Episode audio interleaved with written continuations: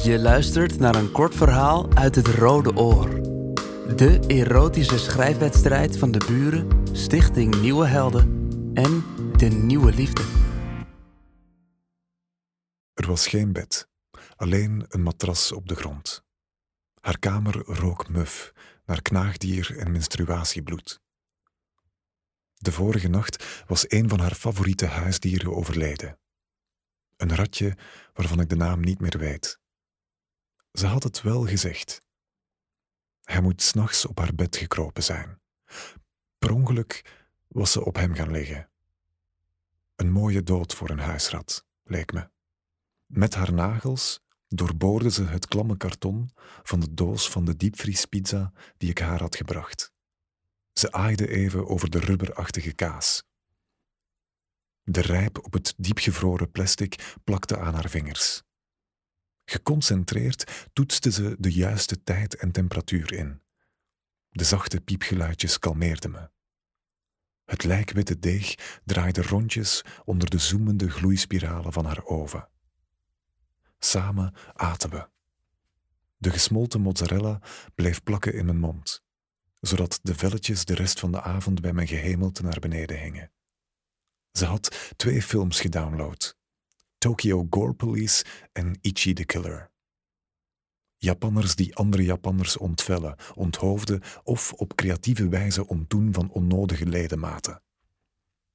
We keken vol bewondering toe hoe een van de hoofdpersonages zijn eigen tong uit zijn mond sneed en bij wijze van excuus aan zijn baas aanbood.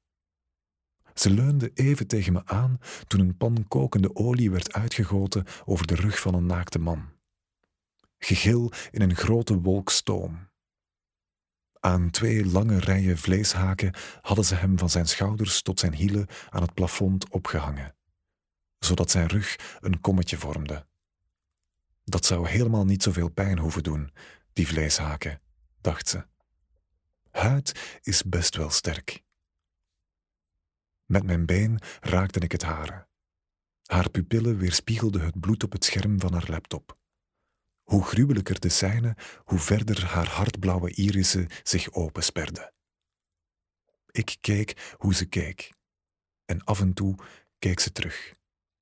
We observeerden elkaar. Ze zocht naar een spoor van walging in mijn mondhoeken. Wilde zien of ik wegkeek op de bloedigste momenten. Op de hoogtepunten van de film, als ik dacht dat ze afgeleid zou zijn door wat er op het scherm gebeurde, bewoog ik me dichter tegen haar aan. Een rangschikking moest er zijn, van alle mogelijke aanrakingen, van alledaags tot onbespreekbaar. Telkens als onze lichamen elkaar raakten, zou ik het hare net iets meer raken dan zij het mijne. Dan waren er in principe maar twee uitkomsten mogelijk. De film eindigde. Iedereen was dood. Het was laat geworden. Ze liet me blijven. We strekten onze lichamen uit op het onderlaken. Ik probeerde iedere beweging die ze maakte te registreren.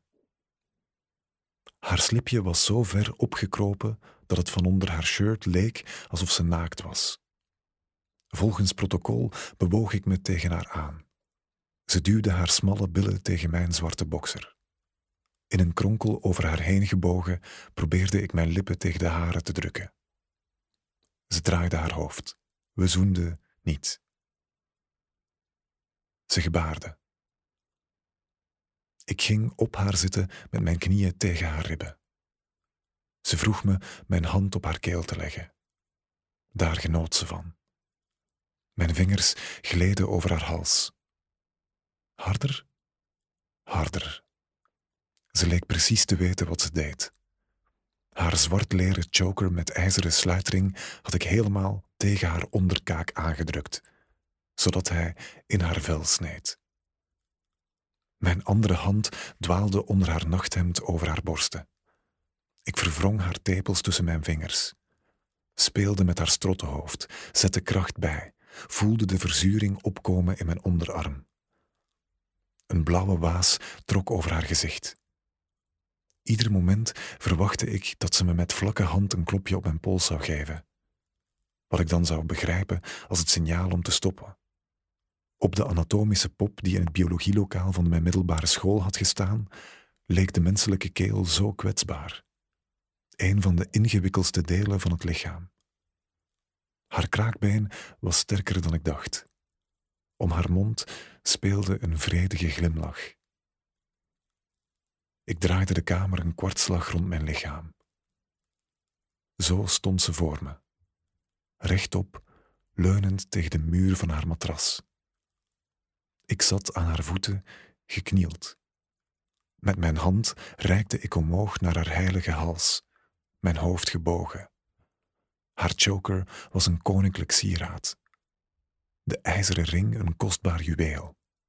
Het ruime bandshirt waarin ze had geslapen een japon van onschatbare waarde. Ik keek naar haar gesloten ogen. Diepzwarte fragmenten, restanten van haar eyeliner, hingen in haar wimpers. Ik bevrijdde een van mijn handen en aaide over haar wang. Haar oogleden trokken zich terug. Drie hartslagen lang zag ik mezelf weerspiegeld in de diepte van haar pupillen. Tot ze me van zich afduwde. Mijn naam is Rashif Elkawi en dit verhaal is geschreven door Jan Wester, een van de finalisten van het Rode Oor 2021. Je luisterde net naar een kort verhaal uit het Rode Oor. De erotische schrijfwedstrijd van het Vlaams-Nederlands Huis de Buren, Stichting Nieuwe Helden en De Nieuwe Liefde. Op de buren.eu slash het Rode Oor vind je meer informatie over het project, over de wedstrijd en kan je alle erotische verhalen van het Rode Oor lezen en luisteren. Het Rode Oor is onderdeel van het project Yes Please, een initiatief van Stichting Nieuwe Helden.